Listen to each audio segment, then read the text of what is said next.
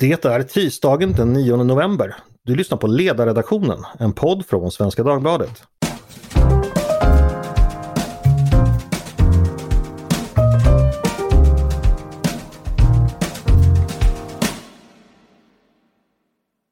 Välkomna! Mitt namn är Andreas Eriksson. Idag ska vi diskutera den situation som uppstått vid EUs östgräns mot Belarus. Ni har säkert själva läst och eller hört om detta. Tusentals människor befinner sig i Belarus och vid den polska gränsen med siktet inställt på att ta sig till EU. Drygt 20 000 irreguljära gränsöverträdelser har registrerats hittills i år och nu har polsk militär skickat soldater för att få kontroll över situationen. Exakt vad är det som händer och varför sker det? Det ska vi tala om idag. Med mig för att göra det har jag Fredrik Löjdqvist, chef för Stockholm Center of Eastern European Studies. Välkommen hit Fredrik! Tack så mycket, roligt att vara med.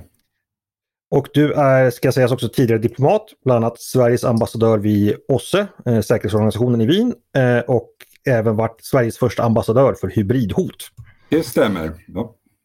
Eh, ja, Fredrik, vi börjar väl från början. Vad är det som sker just nu vid gränsen eh, och vad, vad, är upprinnelsen och bakgrunden till det? Om vi tar det från början så att säga. Mm.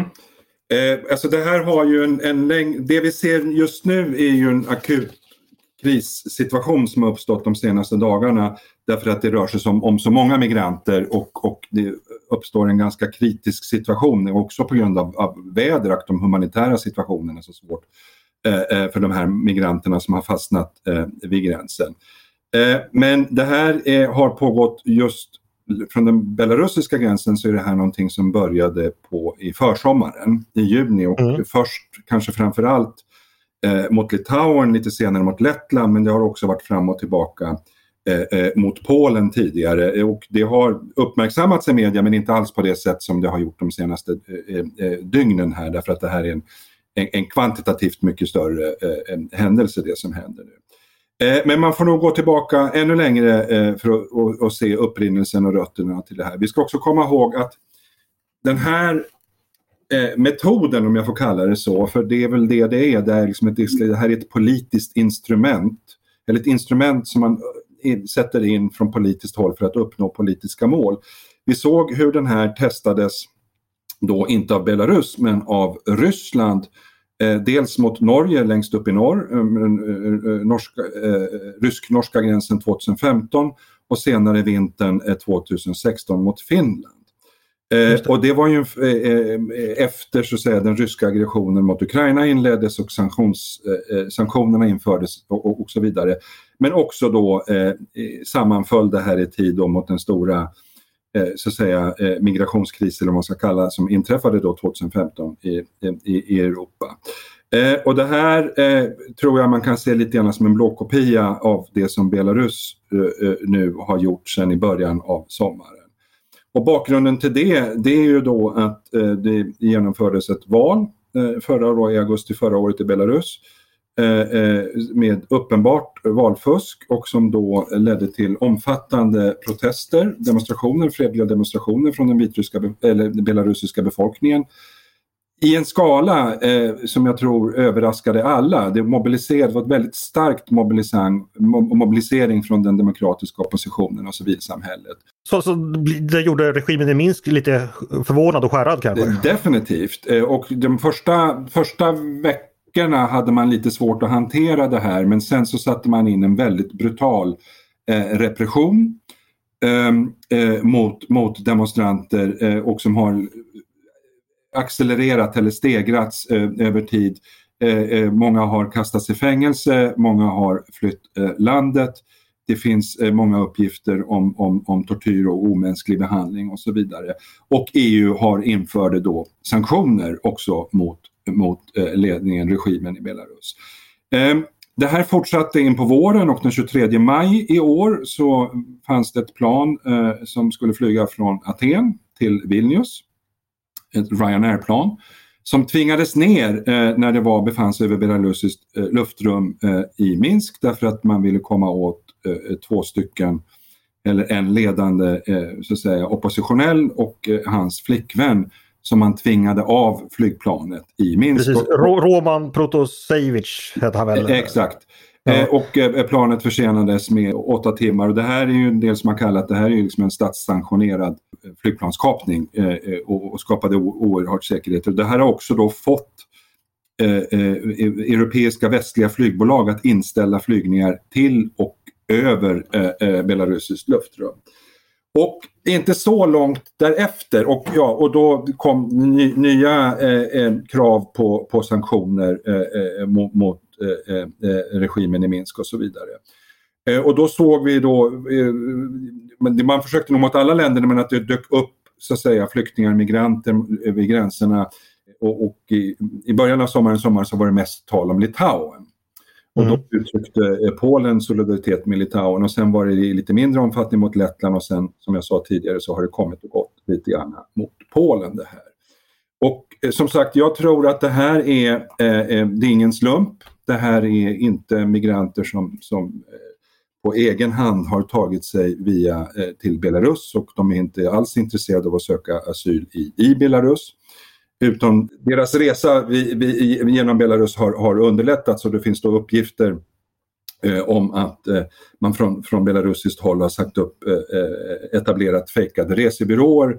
Det, går, det finns uppgifter om att det gått upp till eh, eh, flygningar i, i, veckan från olika destinationer i Mellanöstern till, till eh, eh, eh, eh Belarus och där också turkiska och ryska flygbolag har, har varit involverade. och det finns också uppgifter man har kunnat se de senaste dagarna och inte veckorna bilder och filmer från Minsk att det har samlats ett större Eh, större mängd eh, eh, migranter från, från eh, Mellanöstern och det verkar framförallt handla om iraker eller kurder med irakiskt ursprung. Just det, så det här är alltså, kan man säga att det är en flykting eller en migrantrutt som helt enkelt har organiserats av den belarusiska staten med ett med ett visst politiskt syfte. Det, det, det, det tycks så och det, man har, har eh, underlättat eh, för, för dessa migranter att flyga till, till Belarus. Inte för att de ska stanna i Belarus eller komma till Belarus eller att det finns någon humanitär eh, humanitära överväganden eh, kring de här flyktingarna, migranterna. Utan eh, de, man flyger dem till Minsk eh, och man vill då, det, det, finns då filmer och eh, trovärdiga uppgifter, medieuppgifter och så att de sen mer eller mindre tvingas då till gränsen och inte till normala gränsövergångar eh, eh där det finns alltså tullstationer och passkontroller och sådana saker utan då eh, ut i terrängen i, i, i skogen eh, och att de tvingas fram av, av olika former av, av belarusiska säkerhets eh, eh alltså gränsvakter, polis, eh, vad det nu kan vara. Eh, deras, det heter fortfarande KGB i, i Belarus. Eh, och som också förhindrar att de här eh, eh, eh, migranterna, flyktingarna kan vända tillbaka. Eh, för det är inte alls, man vill inte alls ha tillbaka dem i, i, i, Belarus eller till Minsk utan och då uppstår ju den här väldigt obehagliga situationen då att är människor då som är nu i natt, nattfrost, det är kyligt, utan mat, i bästa fall enkla tält eller någonting som då sitter fast vid gränsen. De, de släpps inte in eh, i EU eh, men de kan heller inte vända tillbaka in. Och det här är ju ett väldigt cyniskt sätt att manipulera eller instrumentalisera det här. Eh, och jag tror tidpunkten, varför är det Polen just nu? Och det kan man ju spekulera i men jag tror att eh, mycket, det här handlar om dels för att Belarus vill hamna i en förhandlingssituation med EU. Man vill ha sanktionslättnader, Eh, eh, man, vill, man, man, vill på något sätt kunna förhandla till sig en bättre situation med EU och skrämma EU eh, och, och, visa att man, har, man kan tillgripa den här typen av, av, mer eller mindre aggressiva antagonistiska metoder för att sätta press på EU eller ett enskilt EU-land. E och det gör man då och det är det som då kallas för hybridhot. Alltså att man använder framförallt icke-militära men antagonistiska medel, alltså medel, eh, medel som är avsedda att på något sätt åsamka skada. Eh, eh men de är inte militära för att uppnå ett visst politiskt mål eh, och då instrumentaliserar man just eh, alltså migranter, flyktingar. Och att man gör det mot Polen just nu, det tror jag det, det är att man de här antagonistiska medlen blir ju som mest effektiva när man utnyttjar inom citationstecken motståndarens svagheter. Och här finns det flera svagheter då. Det ena är Polens relation till övriga EU just nu. Eh, där eh, eh det finns ändå en, en, en omfattande diskussion om, om, om eh, rättsstatsläget och demokratin, situationen för demokratin, inte minst inom eh, eh, rättssektorn eh, då där det finns en, en konflikt eller strid mellan Bryssel och Warszawa.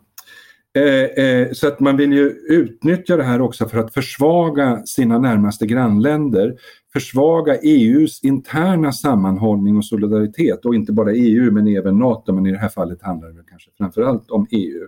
Och då göra eh, grannländer som Polen, eh, Litauen och Lettland mer sårbara. Eh, och också kanske mer eftergivna. Då. Och den andra, eh, eh, eh, så att det finns en, en, en, en, sårbarhet här, det är liksom Polens redan utsatta ställning inom EU som man då vill utnyttja. Det andra är då att eh, man tar då en fråga som tillhör en av de mest politiskt kontroversiella inom EU eh, och där det inte finns någon eh, eh enighet eh, inom EU, både inom EU-länder och mellan EU-länder, nämligen migrations och flyktingpolitiken. Eh, eh, eh, och eh, där också, man vet, det är ett område där EUs politiker är ganska ovilliga att inta en tydlig position. Eh, och särskilt i en situation där man då säga, cyniskt kan utnyttja bra tv-bilder på väldigt utsatta människor.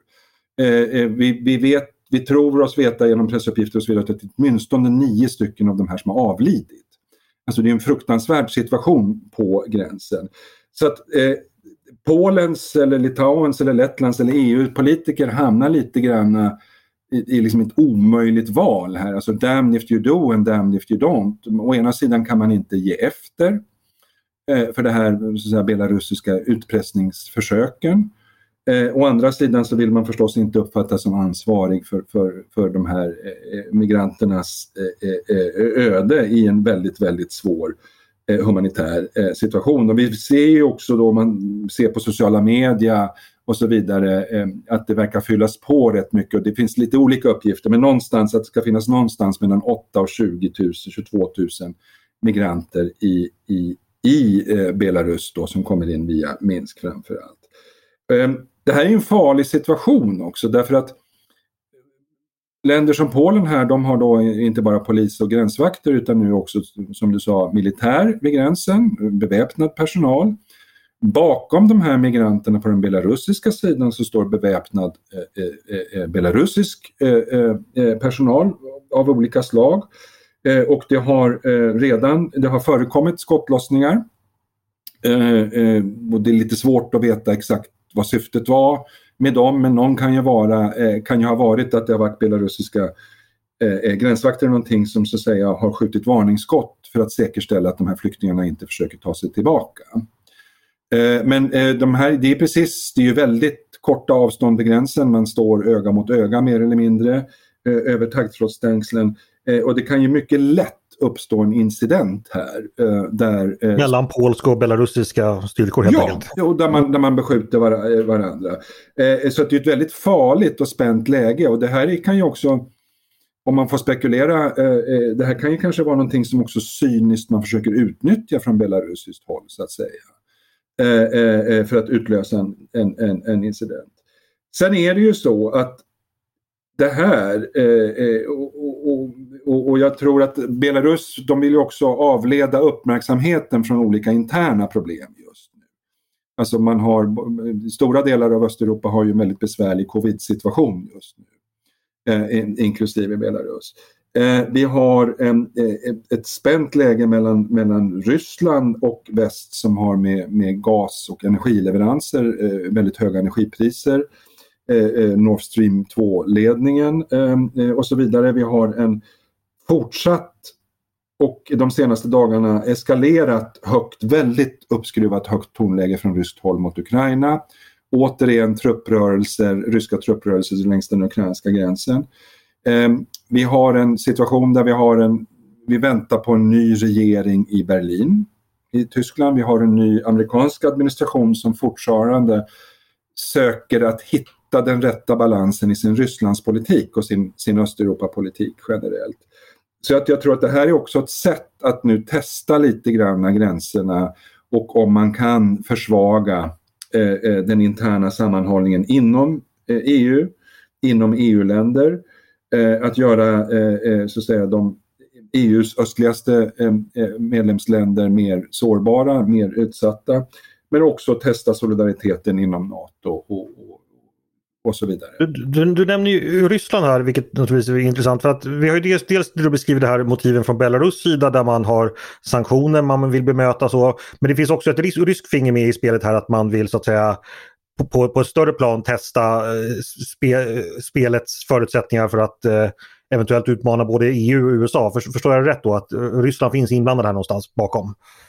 Alltså det är ju väldigt svårt att uttala sig om exakt hur samordnat eh, just de, den här migrationsincidenterna längs den polska gränsen är just nu mellan Minsk och Moskva. Däremot kan man ju säga att det finns sammanfallande och gemensamma intressen. Eh, eh, och, och det, har, det, såg vi ju eh, efter också alltså valet då i, i, i Belarus eh, förra sommaren. Eh, och den här typen av, av, av demonstrationer eh, eh, Eh, alltså, demokratisk opposition, demonstrationer, manifestationer och så vidare är någonting som man i Kreml är väldigt livrädda för och därför har man ett starkt intresse då att också regimen i Minsk får kontroll över sånt här. Eh, och, sen, och, det här, eh, och den repression som vi sen såg från, från, från den belarusiska eh, regimens sida, eh, eh, polis och så vidare, har ju då allvarligt försämrat Minsks relationer till väst, till EU och så vidare. Och ett isolerat eh, eh, eh, Belarus utan eh, kopplingar västerut är ju, ju, i, får vi anta då, i Rysslands intressen. Som då vill ha en, en, en, skarp, eh, en starkare integration mellan Ryssland och, och eh, eh, eh Belarus. sen så finns det kanske ett par andra aspekter på det här inledningsvis, som jag sa, nu verkar det ju, om man får tro medierapporteringen, mest handla om eh, irakiska och irakisk-kurdiska eh, migranter. Men i början så var det eh, ganska många afghaner. Eh, och då fanns det uppgifter om att de här afghanerna, de kom genom, de var sådana som hade bott i Ryssland. Eh, eh, också en, en, tid så att säga, de var liksom inte helt färska från och det var ju också precis i, augusti där evakueringen ifrån från, eh, när USA och väst lämnade Kabul och så vidare. Eh, och de, det, det, det fanns då uppgifter att de här i huvudsak nog kom från Ryssland så att säga. Eh, eh och man får nog utgå från att Ryssland vill säkerställa också nu, sätta press på Minsk att ingen av de här irakiska eller afghanska eh, migranterna eller flyktingarna eller vilka det nu är eh, kommer tillbaka eller kommer till Ryssland. Alltså vi riskerar att hamna i en situation där de här så att säga är instängda i, i, i Belarus eh, och de vill inte vara i Belarus och Belarus vill inte ha dem där och de släpps inte in i EU. Var ska de då ta vägen? Och jag ser en, en uppenbar risk för att vi kommer att se väldigt svår humanitär eh, situation de kommande veckorna och månaderna. Det blir bara kallare och kallare här. Eh, eh, eh så att eh, det, det finns men, men att, att, ha, som vi ser, Ryssland har ju en ökad grad av isolering och en ökad grad av konfrontation mot väst. Eh, eh, och mm, det är nog i Moskvas intresse också att, att, att, att, knyta Belarus närmare till sig själva och att man har liksom en gemensam front i det här. Sen exakt vad det är som är avstämt, vad det är som är, är, är, är samordnat och så vidare, det kan vi nog bara spekulera i. Men vi kan ju se att det finns en intressegemenskap här. Just det. det låter ju som, du beskrev situationen som att damned if you do, damned if you, if you don't. Att det här är en ganska effektiv, eller i alla fall en verksam form av, av hybridkrigsföring. Hur kan den bemötas? Eller kan den det på något sätt? Ja, det är svårt. Eh, eh, det är svårt att säga. Nu har ju väl ändå, verkar det som, eh, alltså EU visat också Bryssel, eh, visat ganska stor förståelse för situationen eh, för, för Polen och, och för Litauen tidigare och så. Eh, och, men det pratas nu om att förbereda nya eh, sanktioner mot Belarus. Eh, eh Ursula von der Leyen eh, eh, eh har också sagt att man måste titta på den här frågan, också sanktioner mot de här flygbolagen som, som flyger de här migranterna från Mellanöstern till, till Belarus. Eh, eh, och, eh, men det finns ju en, en, en känslighet här. Ehm, eh, och mycket kommer väl också bero på hur den polska regeringen och de polska myndigheterna kommer att hantera situationen konkret vid gränsen. Eh, och det är klart att i, Minsk hoppas man ju sannolikt på att, det liksom, att, att polackerna ska göra misstag här, att det ska eh, eh någon uppenbart olämplig eh, eller aggressivt agerande från polsk militär eller polsk polis vid gränsen och det, man kablas ut på tv-skärmarna eh, som skulle liksom försvaga Polens situation. Det tror jag skulle vara en, en, någonting som man vill uppnå. Så det är fortfarande, men eh, det är fortfarande väldigt osäkert och, och, och spänt. Men det, det, ser inte ut som att det finns någon EU-solidaritet som håller på att krackelera just nu i varje fall. Och jag såg också att, att um, Eh, eh, NATOs generalsekreterare hade ringt Polens president idag och uttryckt sin solidaritet och så vidare.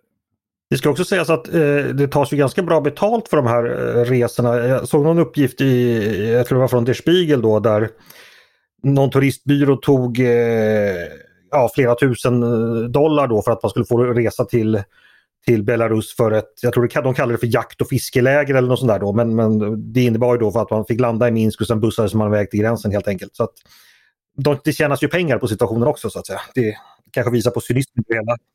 Så verkar det vara om man får, om man får tro medieuppgifterna. Där. Eh, ja, men säga, även solidariteten inom EU. Jag tänkte Tysklands utrikesminister eh, kallar ju den belarusiska ledningen för, eller Lukasjenko direkt för, nu citerar jag, chef för en statlig liga av människosmugglare. Så det får sägas vara ganska att man så att säga synat hans kort mm, ganska väl. Även den tyska eh, inrikesministern Seehofer har ju uttryckt stor oro för det här. Och det, det verkar ju som, och det, det finns väl all anledning att tro att de här emigranternas mål är ju just att komma till Tyskland. Och, mm. och, man har också kunnat se bilder på sociala medier och stå där de står vid, vid gränsen och skriker Germany, Germany, Germany så att säga för att förklara att det är dit de vill. Jag tittar lite snabbt på, på väderleksrapporterna nu. Det är, just nu vid gränsen är det en minusgrad. Det kommer krypa ner ytterligare några minusgrader under, på nätterna här framöver.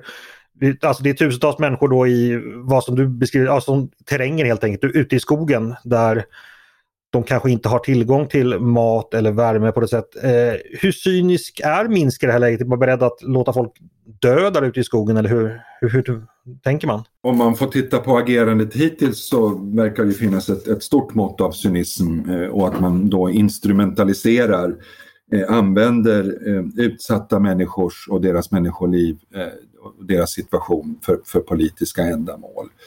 Eh, men det är ju en fråga här och de har ju blivit en bricka i det här spelet, i det här utpressningsspelet här och det är ju viktigt då, eh, inte minst för EU och, och grannländerna och omvärlden att klargöra vad ansvaret för den här uppkomna situationen ligger och hos, hos den, den, den belarusiska ledningen och ingen annanstans. Så att det är där som också då eh, man kan utkräva ansvar eh, Eh, för det. Men det, eh, det här kommer ju också vara en strid om berättelserna så att säga som beror mycket på hur media kommer att rapportera om det här, hur, hur det bredare samtalet, berättelsen, narrativet om den uppkomna situationen kommer att ta vägen i Europa. Eh, eh, och, och, vi vet ju traditionellt eh, de senaste åren att det finns få frågor som kan polarisera debatten inom EU och inom enskilda europeiska länder så mycket som migrationsfrågor. Det finns en enorm sprängkraft i de här frågorna. Så är det absolut och det är ju inte så konstigt heller för, det rör ju stora mänskliga värden och det rör ju ja, värden som är, viktiga för alla oavsett vad man tycker så tycker Men, man det väldigt starkt. Väldigt mycket så och jag är djupt oroad Eh, eh, eh, för alltså utsattheten hos de här människorna som nu befinner sig i gränsen och jag tror att tyvärr att vi kommer att se väldigt obehagliga situationer. Och du pekade på vädret och temperaturen här och så. Det kommer säkert snö snart.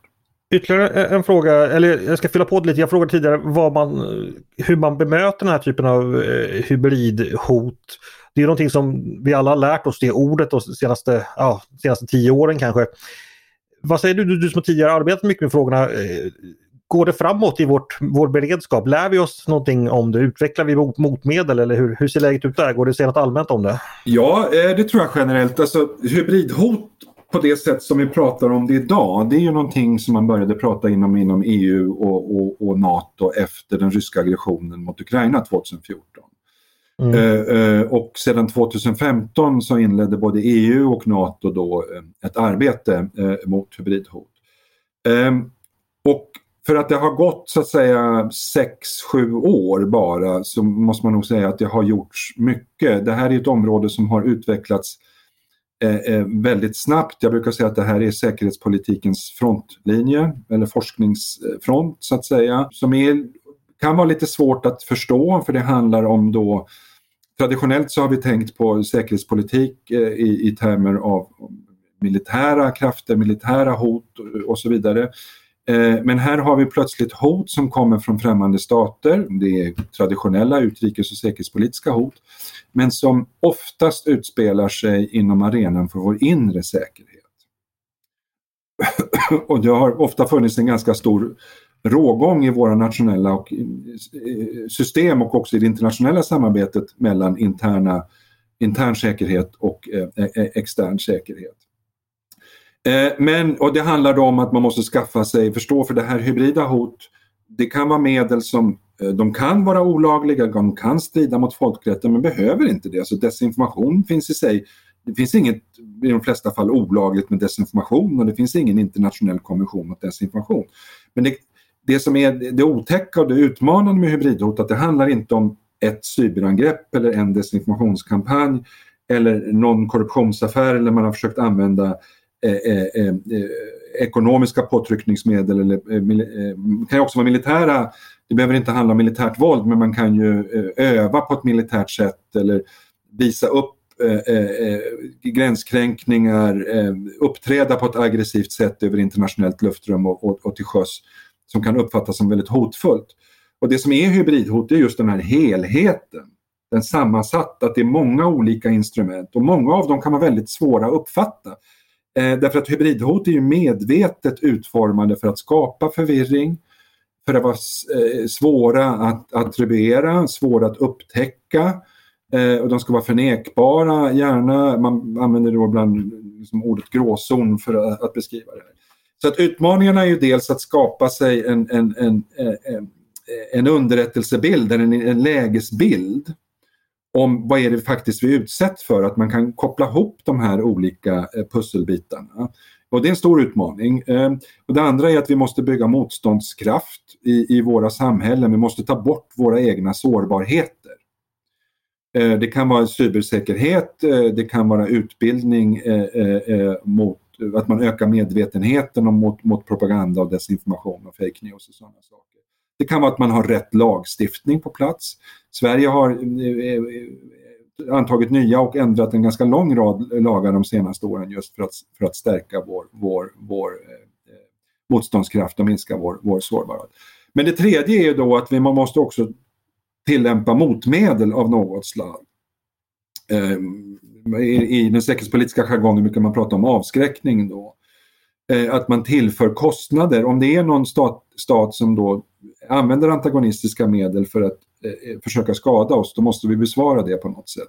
Men vi kan inte besvara eh, eh med samma eh, medel därför att vi, vi vill ju inte använda desinformationen i cyberangrepp eller vad det nu kan vara utan det handlar ju ofta om att man kanske offentligt utpekar, Eh, eh, man avslöjar så att säga vem det är som ligger bakom. Eh, sanktioner, EU har antagit en rad olika nya sanktionsinstrument de senaste åren, inte minst på cyberområdet som man då också har använt. Men även för brott mot mänskliga rättigheter och också som en följd av det här berömda Skripal-fallet i Salisbury. Mot, mot alltså kemiska och bakteriologiska och radiologiska vapen så har man infört en sanktionsregim från det. Och här pågår en ganska intensiv internationell diskussion nu i expertkretsar om hur man bäst ska utforma de här systemen för att kunna stå mot hybridet. Vi har kommit en lång bit på väg. Eh, det återstår väldigt mycket att göra och det här är någonting som vi lär oss vartefter. Det väsentliga med hybridhot är att man använder olika instrument för att tillfoga skala där det finns en avsikt bakom. Men du kan i princip använda vad som helst som ett hybridhot. det är på samma sätt du kan, ha, du kan göra någon människa illa och, slå ihjäl någon människa med många väldigt olika saker. Alltså du kan använda en kniv, eller du kan ha en pistol eller du kan ha ett tungt metallföremål eller vad det är. Det går liksom inte att i förväg identifiera vad som är hybridhot. Och mm. bara för några år sedan så var det ingen, tror jag, som hade tänkt på eller talade om, om migrationsströmmar som ett hybridhot. Eh, men nu är vi här så att säga och, och, och, det är det som är svårigheten. Vi vet inte vad som kan komma imorgon. Eh, därför att man kan använda alla möjliga eh, instrument eller verktyg i verktygslådan. Just det. Vi ska återknyta bara till situationen i, i Belarus, Polen. Eh, vad tycker du, vad, vad kom, kommer du hålla utkik ut? Eh, jag förstår att det är svårt att förutsäga situationen, men vad, vad tycker du man ska titta på för faktorer för att kunna bedöma hur situationen utvecklas? Alltså på något sätt så kommer det här, är ju nu det här en, en vad kallar man det för, alltså en blinkningslek här mellan Belarus och, och EU och se vem som kommer att ge vika först. Och det är det som är så väldigt farligt därför att då blir det de här utsatta människorna vid gränsen som är väldigt sårbara som kommer att lida och få betala priset för det här. Eh, det man då kan titta på här det är dels så att säga hur kommer de polska myndigheterna att konkret hantera situationen vid gränsen? Hur sammanhållet kommer EU eh, att vara och, och, och, och, västvärlden, hur, hur, hur stark kommer solidariteten med Polen att vara? Det kan ju bli något annat land imorgon och som jag sa, det har också varit, det här handlar inte bara om Polen utan också eh, Lettland och Litauen. Eh, och sen så får man ju titta på vad som händer då inne i Belarus. Kommer de här flygningarna att fortsätta?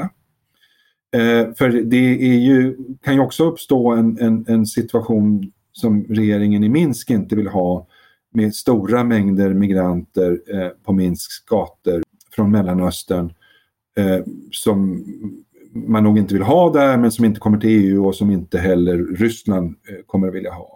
Vad kommer hända då? Vad kommer hända med den inrik inrikespolitiska stämningen i, i Minsk och var ska de här ta vägen?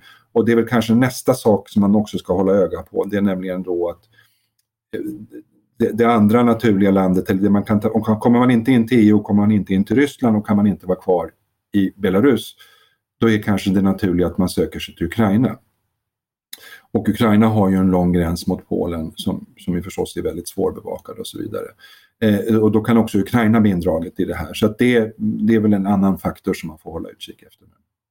Vi får följa det. Eh, stort tack Fredrik för att du kom till podden och delgav oss dina insikter. Tack Andreas, jätteroligt att få tala med dig. Eh, det var alltså Fredrik Löjdqvist som vi hade som gäst idag, chef för Stockholm Center of Eastern European Studies. Eh, du har lyssnat på Ledarredaktionen, en podd från Svenska Dagbladet. Hör jättegärna av er till oss på redaktionen med tankar och synpunkter, antingen på det vi har precis diskuterat här idag eller om ni har idéer på saker vi ska ta upp i framtiden. Maila då mig och mina kollegor på ledarsidan snabla svd.se. Dagens producent, han heter Jesper Sandström. Själv heter jag Andreas Eriksson och jag hoppas att vi hörs igen snart.